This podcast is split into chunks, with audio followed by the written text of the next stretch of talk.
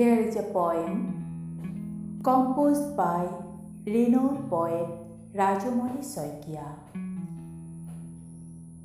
Title of the poem is Come if you can make it possible.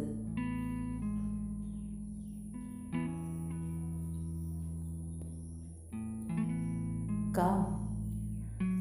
I am ready to accept you any moment. Come without any prior information. Come to my heart if you can make it possible. Come, come to me before I am leaving this soul and soil. I need your brightness like sunshine, moonlight, and the spring.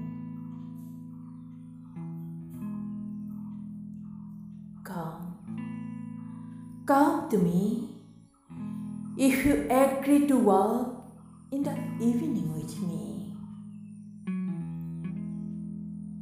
Come to me, leaving all hazards to celebrate the rest of the life with me.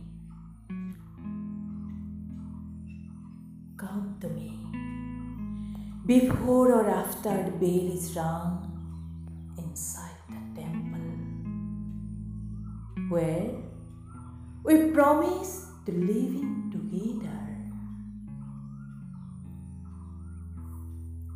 Come to me, leaving the hell and all the nuisance to depict the art of life, which love, faith, and courage.